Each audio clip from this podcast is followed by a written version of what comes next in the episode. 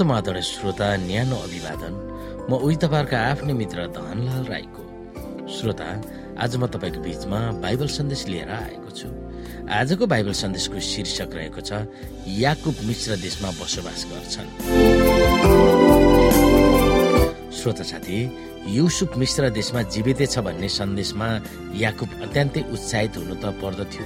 तर परमेश्वरले रातमा उनलाई दर्शन दिनुभए अनुसार मिश्र देशमा जानु भनेर दिनुभएको आदेश अत्यन्तै रोचक मान्नु पर्दछ सारा संसारमा एक देश छ जहाँ परमेश्वरका जनहरू नजाओस् भन्ने उहाँको इच्छा छ।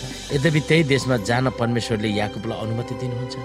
त्यसको फलस्वरूप याकुबले आफ्नो सबै श्री सम्पत्ति लिएर प्रतिज्ञा गरिएको देश कनानबाट मिश्रमै जान्छन्। हामी यहाँनिर उत्पत्ति सडचालिस अध्यायलाई हेर्न सक्छौँ। यस अध्यायमा के आत्मिक वा आध्यात्मिक सत्य र नीतिहरू हामीले पहिल्याउन सक्छौँ? यहाँ हेरौँ। तब भित्र गएर युसेफले फारोलाई भने मेरा बाबु र दाजुहरू उनका भेडा बाख्रा गाई बस्तु र उनीहरूका सबै थोक लिएर कनानबाट आएका छन् र अहिले उनीहरू गोसेन प्रदेशमा छन्। तिनले आफ्ना दाजुभाइहरू मध्येबाट पाँचजनालाई लिएर फारो कहाँ हाजिर गराए। फारोले तिनका दाजुभाइहरूलाई सोधे तिमीहरूको काम धन्दा के हो? उनीहरूले फारोलाई भने हामी हजुरका दासहरू हाम्रा पिता पुर्खादेखि नै गोठाला हौ।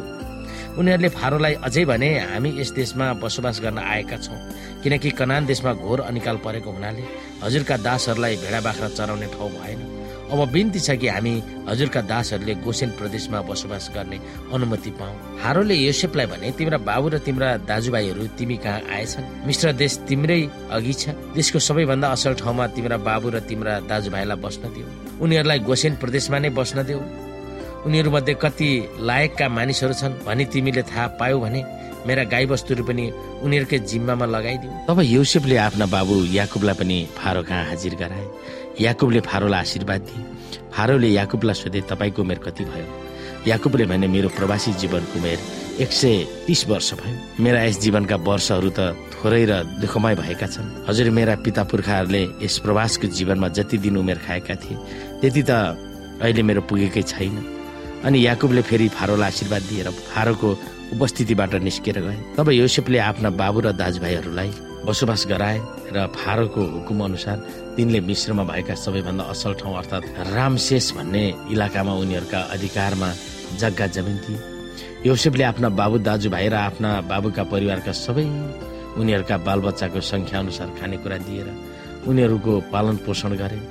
घोर अनिकालले देश ग्रस्त भएकोले गर्दा देशमा खानेकुरा केही थिएन। अनिकालद्वारा मिश्र र कनान दुवै देश ग्रसित थिए। मिश्र र कनान देशका मानिसहरूले अन्न किनेका सबै रुपियाँ युसेफले जम्मा गरेर फारोकै महलमा राखे। जब मिश्र र कनानमा भएका मानिसहरूले आफ्ना रुपियाँ पैसा खर्च गरिसके तब सबै मिश्रीहरूले आएर युसेफलाई भने हामीलाई अन्न दिनुहोस्। तपाईँका आँखाको सामान्य हामी किन मरौँ? हामीसित भएका रुपियाँ पैसा सबै सिद्धिए योसेफले तिनीहरूलाई भने तिमीहरूका रुपियाँ पैसा सिद्धिए भने गाई बस्तु ल्याऊ। तिमीहरूका गाई बस्तुका सट्टामा म तिमीहरूलाई अन्न दिउँला। यसकारण तिनीहरूले आफ्ना गाई बस्तु योसेफ कहाँ ल्याए र योसेफले तिनीहरूका घोडा भेडा गाई गदा आदिका सट्टामा तिनीहरूलाई खानेकुरा दिएर तिनीहरूको हेरचाह गरे। त्यस साल गाई बस्तुका सट्टामा तिनीहरूलाई तिनले अन्न दिए। त्यो साल बितेपछि अर्को साल आएर तिनीहरूले योसेफलाई भने हाम्रा रुपियाँ पैसा सबै सकिएको कुरा त हजुरलाई थाहै छ। गाई बस्तुका बथान पनि सबै हजुरकै भइसकेका छन्।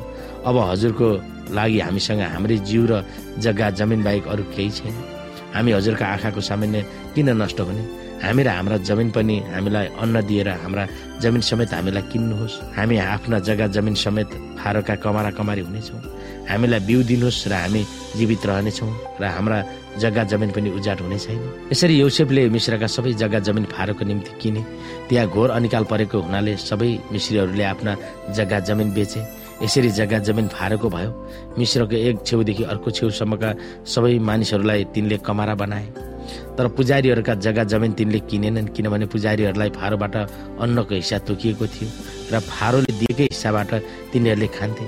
त्यसकारण तिनीहरूले चाहिँ आफ्ना जग्गा जमिन बेच्नु परेन। योसेफले प्रजाहरूलाई भने हेर आज मैले फारोको निम्ति तिमीहरूका जग्गा जमिन र तिमीहरूलाई पनि किनेको छु। अब तिमीहरूका निम्ति बिउ यहाँ छ।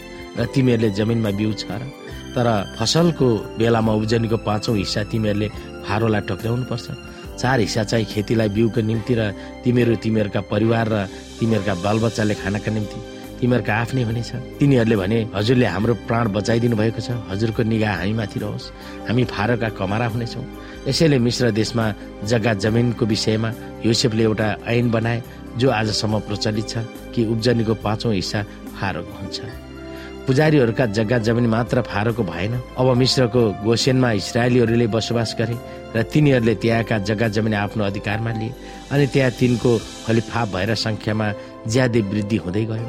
याकुब मिश्रमा सत्र वर्ष बाँचे याकुबको जम्मा उमेर एक सय सडचालिस वर्ष भयो। इसरायलको मर्ने बेला आइपुग्दा तिनले आफ्ना छोरा योसेफलाई बोलाएर भने यदि तिमीले मलाई श्रद्धा गर्छौ भने दया गरी तिम्रो हात मेरो तिग्रामुनि राखेर म प्रति भक्ति देखाउँछु भनी मसँग प्रतिज्ञा गर। तिमीले मलाई मिश्र देशमा नगाड तर जब म मेरा पिता पुर्खाहरूसँग सुति जाउँला तब मलाई मिश्रबाट बोकेर लगी उनीहरूकै चिहानमा गाडिदियो तिनले भने तपाईँले भन्नुभएको बमोजी म गर्नेछु। फेरि याकुबले भने मसँग शपथ खाऊ। अनि योसेफले शपथ खाए। तब इसरायल आफ्नो पलङको सिरानमा घोप्टो परे। श्रोता साथी आजको लागि बाइबल सन्देश यति नै। हस्त नमस्ते। जय मसिंह।